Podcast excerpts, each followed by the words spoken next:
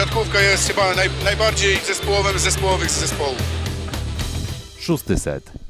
To już czwarte nagranie z cyklu um, Odliczamy do ligi, odliczamy do plus ligi, naszych ulubionych rozgrywek, a, a wy odliczacie razem z nami. Um, czwarta drużyna od końca poprzedniego sezonu, czyli miejsce 11 w tabeli MKS Będzin.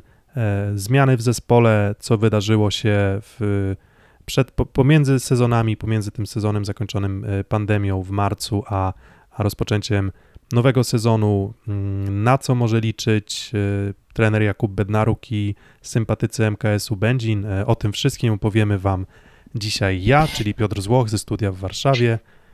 I ze studia w Rzeszowie Filip Korfanty.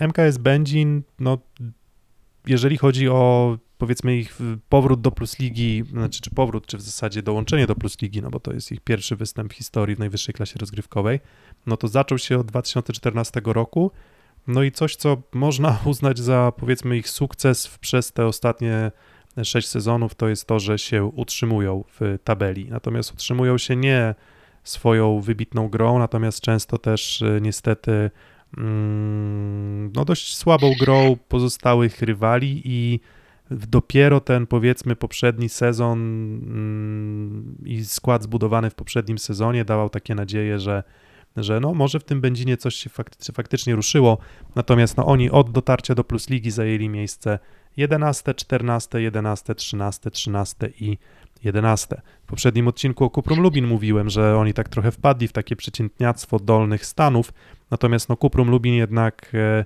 miało te kilka sezonów, w których na fali takiego entuzjazmu po wejściu do ligi radzili sobie e, dużo lepiej. Mm, co sądzisz o MKS-ie Będzin? Myślę, że znacznie wyższe oczekiwania były względem poprzedniego sezonu, bo zbudowany skład i też zakontraktowany trener pozwalały sądzić, że będzie to sezon, przynajmniej ja tak uważałem, najlepszy z tych dotychczasowych, czyli na pewno coś powyżej 11 miejsca, ale pewne pertraktacje, perturbacje i per coś tam jeszcze spowodowały, że nie wyszło to finalnie najlepiej. 11 miejsce i tak najlepsze w ogóle w historii występów. Po raz trzeci w sumie zajęte 11 miejsce, no ale co by było, gdyby Puria Fajazi nie zatęsknił za Iranem, gdyby TJ Sanders nie doznał kontuzji i tak dalej, i tak dalej. Tak, no i, no i przede wszystkim co by było, gdyby nie przegrali pierwszych y, siedmiu spotkań. Dziewięciu bez... Nie. Chyba nawet dziewięciu. Nie, nie było. Albo, albo w dziewięciu meczach jedna wygrana była chyba. No, w każdym razie fatalny początek sezonu. Możliwe. Zaczęło się bardzo źle, a najlepsze w tym wszystkim było to, że oni wcale nie grali tak źle. Tak. I, I to było trochę na pewno rozczarowujące dla kibiców, rozczarowujące dla trenera, dla zawodników, no ale oni pokonali ten trudny moment.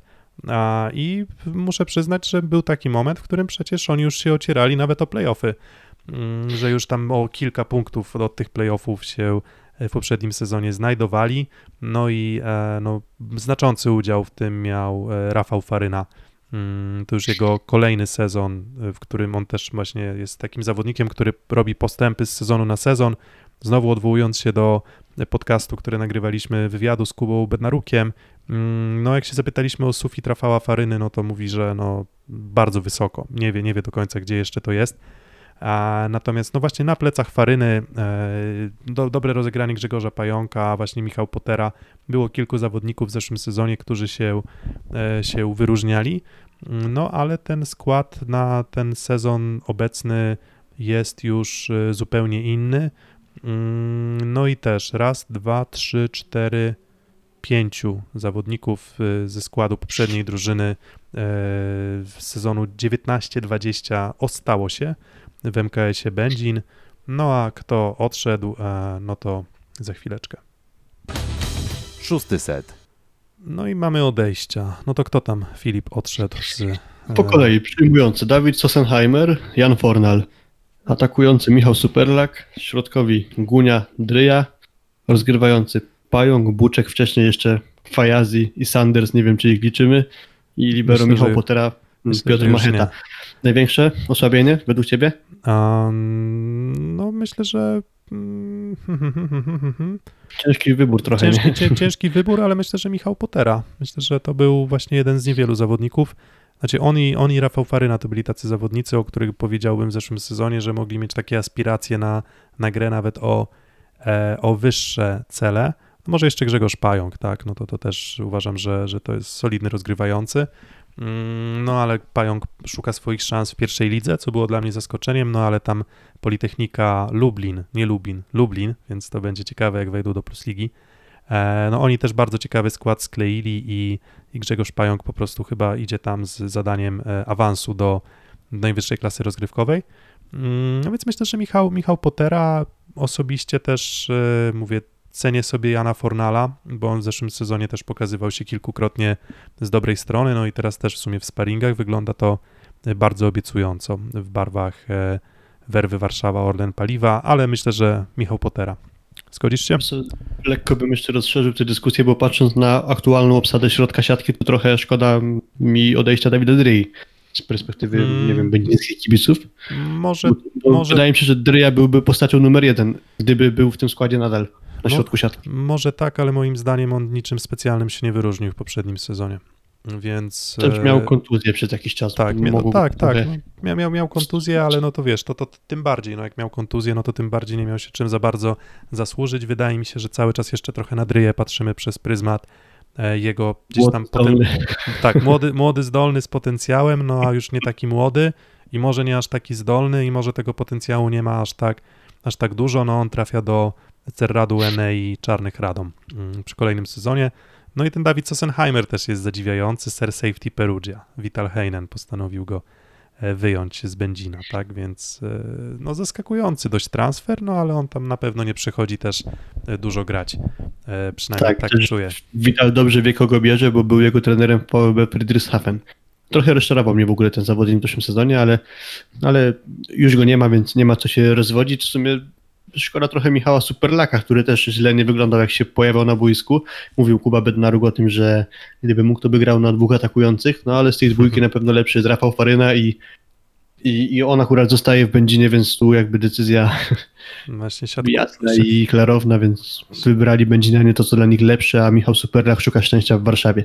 No i myślę, że może to szczęście znaleźć, szczególnie, że wspominał, wspomina się w takich gdzieś tam pogłoskach przedsezonowych, no, że Jakub Ziobrowski ma kontuzję barku. Mm, Nie wiadomo jak poważną. Jeżeli to będzie kontuzja operacyjna, no to Michał Superlak no, wygląda na to, że może być jedynką mm, w mocnej drużynie, naprawdę. E, I to myślę, że to dla niego będzie bardzo duża, bardzo duża szansa na zrobienie kolejnego kroku. Mm, No i tak jeszcze sobie myślę, że no, tak, czy kogoś tutaj jeszcze bym wyróżnił, jako czy, czy kogoś może chciałem przeanalizować. O Superlaku już, już, już wspomniałeś, o Pająku wspominaliśmy. Myślę, że możemy ten temat odejść, e, domknąć i przejść już do nowych twarzy. No i tak kanarkowe te e, nowe twarze. Szósty set. Mm, No właśnie, kanarkowe, kanarkowe nowe twarze w MKS-ie Będzin, bo trzech Brazylijczyków mamy. Mm, Fabio Rodriguez, Jose Ademar Santana na przyjęciu a, i Thiago Veloso e, z, na rozegraniu. Mm, Dwóch Brazylijczyków na przyjęciu z Ligi Brazylijskiej, Thiago Veloso w zeszłym sezonie Ren Volley. No i trochę podobnie jak w przypadku Oliweiry, są to postaci z dalszego szeregu, e, powiedzmy, tych, mm, nawet jeżeli chodzi o gdzieś tam aspiracje kadrowe, żeby żeby nie powiedzieć, że może w ogóle gdzieś poza tymi aspiracjami kadrowymi, może Tiago oczywiście w, lidze, w reprezentacji brazylijskiej jeszcze występował, natomiast jeśli chodzi o przyjmujących, to jestem trochę skołowany. Czy Thiago sporo się już ocierał? Pierwszą reprezentację Brazylii, to jest z tej trójki jedyny zawodnik, który ma doświadczenie w Europie, bo on z dobrej strony pokazał się w Molfetcie kilka sezonów temu we Włoszech, no i w zeszły sezon miał bardzo dobry w barwach e, francuskiego Rennes, więc e, on już wie, co to znaczy gra w siatkówkę w Europie i jak go kojarzę właśnie z boiska, to mi się wydaje, że to będzie świetny transfer i, i cieszę się, że on po prostu do, do, do Polski, do Będzina zawitał. Z kolei dwie duże niewiadome właśnie ws- wspomniałeś Fabio Rodriguez i Jose Ademar Santana. Po nich nie wiem czego się spodziewać, bo jednak przeskok z Brazylii do, do Polski pierwszy wyjazd za granicę, nie wiadomo jak to na nich wpłynie. Brazylijczycy, mówi się o nich, że są wrażliwi na takie sytuacje, kiedy muszą opuścić swój rodzimy kraj. Tak, Wydaje mi się, zawsze- Fabio Rodriguez zawsze przypomina mówi się o Mateuszu Minkę. Zawsze mówi Tak, się o. Mówi się, mm, że no tam, czy Leo Messi sobie poradzi w szary, deszczowy wieczór w Stoke, jakby przeszedł do Premier League. No to pytanie, czy Fabio Rodriguez i Jose Ademar Santana poradzą sobie w szary, zimowy wieczór w Będzinie. Mm, trudno powiedzieć, natomiast no też szybkie spojrzenie na, na, na, na, na wyniki statystyczne w poprzednim sezonie, no i Fabio Rodriguez jednak był mm, podstawowym zawodnikiem e, swojej e, drużyny. On grał dużo Natomiast no, nie można tego powiedzieć o Jose Ademarze Santanie, który raczej jednak no, tych, tych okazji do gry aż tak dużo nie miał. Natomiast faktycznie, no, tak, też ta charakterystyka chyba jest taka, że Fabio Rodriguez on nie ma być od, e, od, od kończenia bardzo dużej ilości trudnych piłek. On raczej ma, ma zapewnić e, stabilność, powtarzalność. Natomiast to, to, to właśnie Jose Ademar Santana, patrząc też po statystykach e, sparingowych, on będzie odpowiedzialny mocniej za, za ofensywę. Obaj przychodzą z czołowych brazylijskich klubów, bo Fabio Rodriguez z sesji São Paulo e, może o kadrę Brazylii się nie ocierał, ale ocierał się mocno w cudzysłowie o reprezentantów Brazylii, bo chociażby dla Rodrigueza w piłki wystawiał znany, lubiany William Mariona. Mm, On faktycznie grał bardzo dużo, chociaż na pewnym etapie sezonu złapał kontuzję i trochę opuścił meczów, ale na pewno grał więcej niż właśnie wspomniany wcześniej już e, kilkakrotnie Ademar. Bo On z kolei jednak sportowo czasem zdarzało mu się, że przegrywał rywalizację. Tam był Mauricio Borges i Jan Martinez. No i pomogło mu sporo to, że właśnie Jan Martinez na kilka meczów mniej więcej na przełomie roku wypadł z kadry meczowej w ogóle z Rio de Janeiro. No i jak wszedł na boisko Ademar, no to mm, nie odstawał, aczkolwiek miał mecze bardzo różne. Kilka miał takich, że świetnych wręcz, a kilka bardzo słabych, więc to się w sumie tyczy i Fabio, i Ademara, i jeszcze z Lubina Daniela Oliveira, że oni bardzo nie- nierówno po prostu grali. Tak, no i trudno, trudno się, trudno zakładać cokolwiek. trudno też powiedzieć, który z tych Brazylijczyków mm, będzie występował. Ja raczej jestem bliski tego, że będzie Fabio Rodriguez, natomiast nie można zapominać o Rafale Sobańskim, bo to jest e, zawodnik też, no, który e, utrzymuje się już na tym poziomie lat kilka i to jest kolejny klub, który zalicza i znowu się okazuje, że mogą przychodzić nowi zawodnicy, a na końcu i tak gra Rafał Sobański. I to jest, to jest też, no mówię, solidny, solidny zawodnik, taki trochę Rafał, Rafał Buszek bym powiedział, a tak, tak bym go przyrównał do takim stylem gry i powiedzmy też ataku, że swoje, swoje da i zdarzają mu się naprawdę świetne mecze, w, na przykład w ofensywie, tak, on zawsze w którymś elemencie może dać coś, coś super. Mm, no ale, ale, ale, ale no jednak no nie jest to też jakiś niebywały poziom, no i od tego nie da się uciec. Gdyby się okazało, że któryś z Brazylijczyków jednak się nie do końca dopasuje do poziomu Ligi, jest w razie czego solidny strażak Rafał Sobański. Kwartet przyjmujących uzupełnił Kacper Bobrowski, który zeszły sezon spędził w pierwszej lidze w chorobrym Głogów, a wcześniej można go kojarzyć z Ligi, bo grał w Bydgoszczy. Tak, w Bydgoszczy wchodził na zagrywkę i często wywalał ją w aut. To, to, to z te, Tak, tylko, jak tylko z tego Prizero-. Jak w Prizero Grand Prix wszedł na boisko, na piasek właściwie, to można go było zapamiętać z zagrywki słonecznej. No właśnie, no to na hali, na hali to byłaby chyba reflektorowa, tak? bardziej, bardziej niż słoneczna, no ale wątpię, żeby, wątpię, żeby próbował swoich. Jupiterowa. Jupiterowa, o, Jupiterowa, to mi się podoba. E, Atakujący Rafał Faryna, Michał Godlewski, Wolej Naftels, e, czyli Szwajcaria. W zeszłym sezonie to chyba drużyna prowadzona przez Oskara Kaczmarczyka, tak? Zgadza się. Niestety pełnił rolę rezerwowego. Pierwszym atakującym był Estończyk Nomitsu, tak się nazywał. Ale Michał Godlewski tam niewiele pograł. No, nomitsu, nomitsu to tak japońsko wręcz brzmi. Tak wiesz, no Trochę ku- tak, kumitsu, kumitsu. Nie wiem, nie wiem, co go sprowadziło do Estonii, ale, ale to się takie trochę japońskie. Nie, nie, w każdym razie to jest krwi i kości Estończyk. Okej, pełnoprawny Estończyk. No Estończykiem na pewno nie jest Rafał Faryna, no i myślę, że na pewno też lepiej gra niż ten Estończyk w Wolej Naftels, bo, bo mówię, to, to on, on, Karol Butryn i, i Bartosz Filipiak, taka trójka atakujących w zeszłym sezonie, którzy no bardzo, bardzo wyróżniali się na plus. A, no i no tak mówię, ja, ja, ja przed, pomiędzy sezonami też przygotowywałem takie zestawienia statystyczne, które no miały za zadanie też pokazać, ok, no to co, co, co jest na przykład dobrym wynikiem, jeśli chodzi o skuteczność czy efektywność atakujących w plus lidze.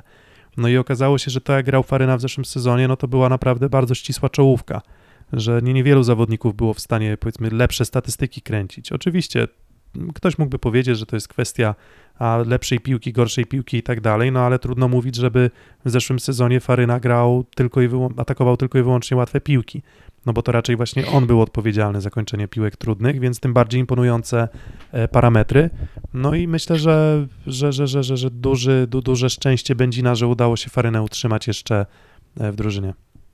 Sam trener Bednaruk, pamiętam w naszym wywiadzie sprzed kilku miesięcy, skomentował mniej więcej w ten sposób, że momentami Faryna notował lepszą efektywność niż środkowy. I to też jest znamienne, znaczące i po prostu wrażenie, bo faktycznie tak było, jak się popatrzyło w liczby. Więc no... No właśnie. No Thiago i... Veloso solidny punkt, Rafał Paryna bardzo solidny punkt i nie wiadomo co z przyjęciem. Co sądzisz o środku, bo wydaje mi się, że tu jest y, spora strata. Mm, nie. Właściwie jednego zawodnika, ja tak uważam, że no, dla mnie strata Dawida Dryi i, i zastępstwo za niego to jest osłabienie. Mm, no ja się, ja się nie zgodzę, moim zdaniem to jest status quo. W zeszłym sezonie no Ratajczak, Gunia i Dryja, no to to był środek, który był co najmniej taki sobie, a teraz mamy Szmita, Gawryszewskiego, Ratajczaka i Kalempkę i moim zdaniem to jest też środek, który już tu i teraz jest taki sobie, natomiast ja wiesz, mm, mówisz na przykład o zastępstwie, no nie, nie wiem dlaczego Gawryszewski miałby nie być e, na poziomie Dryi.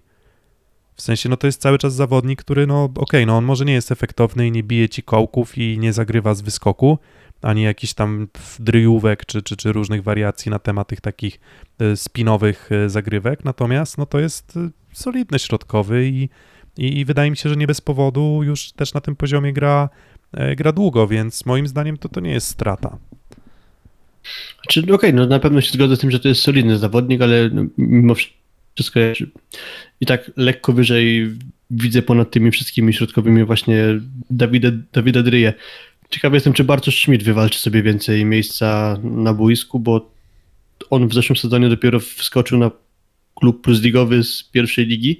On ma już chyba 29 lat i może pod takim szlifie taktycznym przez jeden sezon okaże się, że to jednak on będzie pierwszoszustkowym zawodnikiem i na to trochę liczę, bo, bo to jest ciekawy zawodnik, jeśli chodzi o jego parametry fizyczne, to jak on się składa do ataku, jak zawisa wysoko i długo w powietrzu, bardzo ciekawe do obserwowania, ale tak, pamiętam, że dostanie szansę gry? No, wiesz co, w sparingach wygląda na to, że, że, że dostaje. Mm, wiadomo, no sparingi sparingami, no to tam wszyscy dostają szansę gry, bo wszystkich chce trener zweryfikować. E, natomiast no, on też wygląda dobrze w tych sparingach. E, I to chyba kiedyś też podawane, podawane były informacje, to właśnie też e, Bednaruk udostępniał na swoim Twitterze, że no jeżeli chodzi o parametry skocznościowe, no to Schmidt przerasta swoich kolegów. A tyle tylko, że mówię, no to jest dziwne, bo on ma 29 lat i właśnie to było dla mnie zaskoczenie w zeszłym sezonie, bo ja mówię, mmm, kurczę, no, dobre parametry skocznościowe. Młody, zdolny. Młody, młody, zdolny, a tutaj w sumie no, no, młodszy ode mnie, ale ja już o sobie młody, zdolny nie powiem w jakiejkolwiek dyscyplinie, to jeszcze, jeszcze, w, jeszcze w jakichś tam innych dziedzinach życia, to może jeszcze, ale, ale jeżeli chodzi o sport, no to, to nie, natomiast no, on, on ma też co gonić, tak, bo on tam ewidentnie jakieś tam kwestie taktyczno techniczne musi nadrabiać. Mm, no i kibicuję mu. Ja tutaj się zgadzam, że to jest taka postać, którą warto jest, e, warto jest obserwować. Mm, rozgrywający Tiago Velozo, e, to wspominaliśmy, no i Łukasz e, Makowski. Elpis Ampelokipon? Gdzie to było? Gdzie, gdzie, gdzie to było? Grecja. Grecja, aczkolwiek to Ampelokipon też trochę po japońsku brzmi. No, Przynajmniej dla mnie. Ampelo, Ampelonipon Ale... to może byłoby bardziej. To ostatnia drużyna Ligi Greckiej z zeszłego sezonu.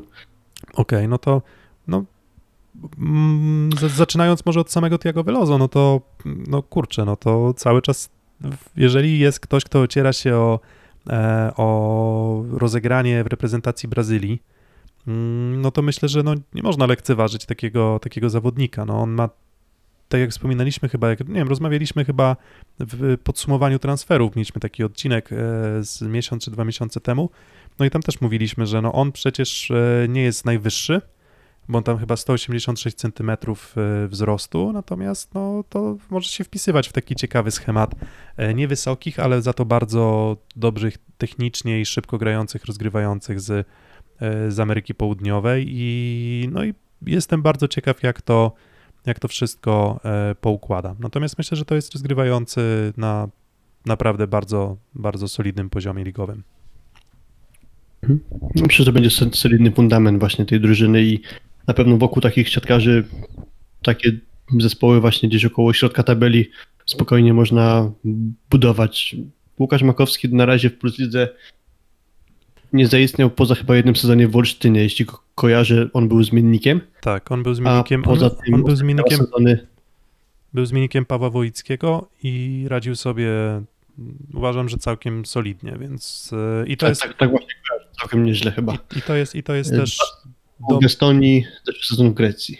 I to jest też e, dobry duch drużyny. On, on też nigdy, nigdy nie mącił, on zawsze był e, lubiany. I, i, to też jest istotne, tak? Jakby nie, nie można oceniać e, wartości tylko wartością sportową, która uważam, że jest akurat solidna i no, on też mówię, wstydu, wstydu nie robi na boisku. Mm, A dodatkowo po prostu był zawsze mm, duszą towarzystwa i, i był naprawdę pozytywnie Atmosfericiem. Atmo, a, tak, a, a takiego atmosfericza może w, na przykład w Rzeszowie zabrakło w zeszłym, e, w, zeszłym, w zeszłym sezonie, bo tam raczej było deatmosfericzów dużo, czy, czy, czy, des, czy desatmosfericzów. E, Libero, Szymon Gregorowicz e, z GKS-u Katowice, no i Wiktor Haduch e, pozostał z poprzedniego sezonu, to chyba jest gdzieś też z wychowanek MKS-u Będzin, może się, może się mylę. Natomiast Szymon Gregorowicz, no w zeszłym sezonie rywalizował z Dustinem e, Wattenem, no i zdarzało mu się już wejść na boisko. Natomiast no, w porównaniu do jednak najlepiej przyjmującego libero poprzedniego sezonu, czyli Michała Potery, mm, no to myślę, że, że, że, że to, to, to, to, tutaj widzę wyrwę. Tutaj widzę dużą, e, dużą lukę na niekorzyść względem e, poprzedniego sezonu. Natomiast no, będzie wreszcie miał okazję udowodnić swój potencjał sportowy na, na dłuższym dystansie w Plus Lidze. Tak, ja cały czas jeszcze Szymona Gregorowicza pa pamiętam z poprzedniego okresu przygotowawczego, czyli z tego sprzed ubiegłego sezonu zakończonego przez koronawirusa, gdzie miałem okazję zobaczyć dwa jego mecze na żywo w Krośnie. Będzin grał chyba z Katowicami i bodajże z Radomiem, no to wtedy właśnie Gregorowicz bardzo dobrze wyglądał. I, i, i sądzę, że jeśli taki poziom gry z tamtego okresu przygotowawczego będzie w stanie powtórzyć jeszcze trochę podnieść swój poziom, no to na pewno Michała Pottery jeden do jednego nie zastąpi, ale jest to na pewno ciekawe dla mnie zastępstwo. Tak, e, o, przepraszam, on nie jest wychowankiem e, Będzina. On jest, e, zaczynał karierę w Zielonej Górze, a, no i potem e, jeszcze mając tam lat, grał w Będzinie. mając lat paręnaście dołączył do MOS-u Wola Warszawa, ZS Politechnika Warszawska, no ale ostatnie, ostatnie poza tym sezonem w Katowicach to, to poprzednie 4 lata w, faktycznie spędzone w, w Będzinie, on do Będzina teraz wraca. Mm, No i najlepszy transfer? No chyba jedno nazwisko się ciśnie. Myślę, że Thiago Veloso, czyli Thiaginho, Tak, tak, tak, nazywany, brazylijski rozgrywający. Tak, te, też myślę, też myślę, że też myślę, że Tiaginho i, i zagadką będą ci Brazylijczycy. Nie wiem do końca, gdzie ich to poniesie, bo tak jak to chyba też ładnie ująłeś, nie za bardzo wiadomo, gdzie jest ich e, sufit. W sensie mniej więcej wiadomo, że można powiedzmy ich, nie wiem, potencjał odrobinę zaniżać, tak żeby trochę się zabezpieczyć, że no, że tam mm, jednak ten Będzin jest jakimś tam dużym zaskoczeniem. Natomiast no, to nie są zawodnicy, o których można powiedzieć, że to są ta, no, pewniacy. To nie są zawodnicy, że okay, to są ci obcokrajowcy, którzy będą na pewno robić różnicę, bo udowodnili swoją siłę na przykład poza ligą brazylijską. Ale nie róbmy z zawodników, którzy mieli okazję grać w lidze brazylijskiej e, cieniasów, bo, bo, bo, Właśnie, bo na zwłaszcza, że to nie była Liga Brazylijska doły tabeli, tylko to było sesji, było SESK Rio de Janeiro. W sesji mówiłem William Mariona, Alan, Eder, Sidao, Murillo, obok niego grali w szóstce jeszcze Lucas Loch, w SESK Rio de Janeiro choćby Wallace, e, Mauricio Borges, e, fajny Argentyńczyk Jan Martinez, Flavio Gualberto, więc tam No naprawdę tak, no ciekawe ale wiesz, no, ale, znaczy, no tak, no ale znaczy oczywiście, oczywiście tak, no, no jeżeli grają, no to, e, to, to, to, to super. Natomiast no, no co by nie mówić, tak, no też, też trzeba powiedzieć otwarcie, że A Sesi zajęło czwarte miejsce w tabeli w zeszłym sezonie, a Rio de Janeiro trzecie miejsce, więc za Funwikiem Taubate i za Sadą Cruzeiro te dwie drużyny gdzieś tam się uplasowały i na pewno były w tych e, górnych stanach, więc no nie mogli być aż tak słabi, żeby, że, żeby, żeby nie wystarczyło na ligę, było nie było też dość trudną, no bo to nie jest tak, że że, że na przykład, no nie wiem, no Liga Brazylijska w momencie, gdy na przykład zestawialiśmy Sadę Cruzeiro z drużynami z Europy, no to Sada radziła sobie często dobrze. Mm, Więc, więc ta, liga, ta liga na pewno może kreować dobrych zawodników. No i sam jestem ciekaw, jak to pójdzie w przypadku e, no, dwóch e, przyjmujących z Będzina, bo myślę, że Tiaguinho da radę. Mm, A na co to wszystko wystarczy w tabeli? Szósty set. No i na co wystarczy, Filip? Mm, Właśnie do, dobrym punktem wyjścia jest to, że nie wiem jakim sufitem okaże, znaczy co okaże się sufitem dla Fabio Rodrigueza i za Dany, bo jeśli by się okazało, że to będą bardzo dobre transfery, że obaj to są trafione ruchy, no to rozegranie i atak pozwala mi jakoś około środka tabeli spokojnie będzie stawiać, ale jeżeli obaj czy któryś z nich będą mocno zawodzić, no to będę musiał mocno asekuracyjnie tutaj typować i sądzę, że gdybym miał w skaderce takie widełki trzymiejscowe, no to niech to będzie 10-12. Tak, no myślę, że tak, tak nawet porównując, zestawiając to ze składem w poprzednim sezonie, mm, to myślę, że za Sossenheimerem nie ma co płakać, a może któryś z Brazylijczyków okaże się być lepszy, e, a Sossenheimer tam dużo grał w podstawowym składzie. Mm, Faryna, jak utrzyma poziom, no to cały czas będzie dobrze. Mm, Tiaguinho, dobry rozgrywający, środek moim zdaniem mniej więcej zostaje na, na, na tym samym poziomie, e, no i na libero moim zdaniem jest to, jest to regres. Mm, No a Libero jednak bardzo pomaga, pomagał Benzinowi w stabilizacji gry i właśnie tych, tych elementów, no dawał dużo komfortu rozgrywającym.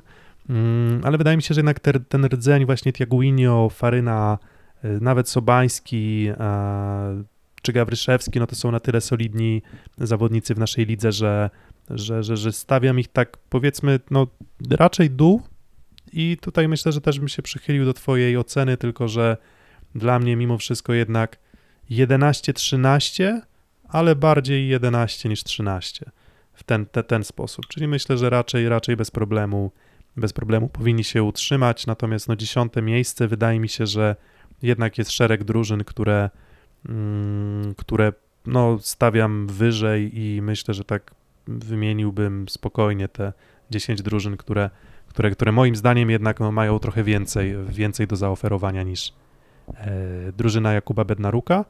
No ale myślę, że, że, że w Będzinie też no, tonują oczekiwania, problemy finansowe przed tym sezonem. Udało się posklejać drużynę. Wydaje mi się właśnie to, co w przypadku Krzysztofa Stelmacha mówiliśmy, że trochę zabrakło nam odważniejszych ruchów transferowych. Tutaj tej odwagi jest e, bardzo dużo.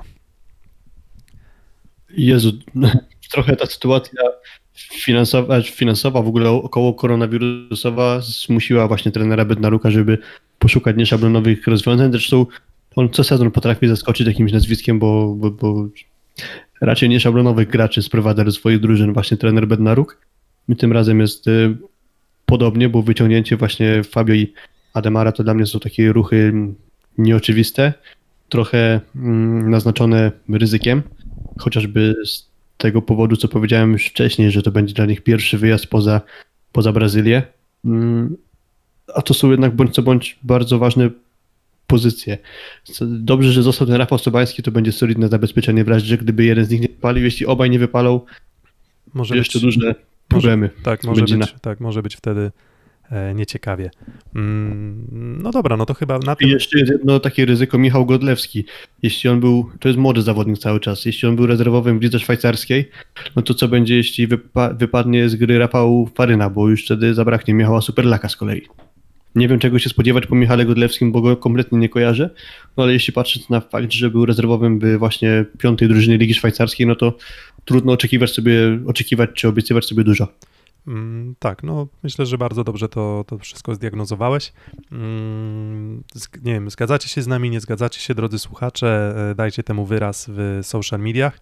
Mm, To był czwarty odcinek z serii Odliczamy do Ligi. Kolejne odcinki już w kolejnych, w następnych e, dniach, zgodnie z kolejnością tabeli w, e, w poprzednim sezonie. Dalej będzie Zawiercie, Suwałki, Olsztyn oraz Radom. Mm, A tymczasem za uwagę dziękują e, Piotr Złoch. I Filip Kurfanty. Dziękujemy za uwagę i prosimy o udostępnienie. Daj, dajcie suba, dajcie lajka. Jak to się pięknie mówi zawsze, starajcie się pomóc nam w dotarciu do jak najszerszego grona odbiorców. Trzymajcie się.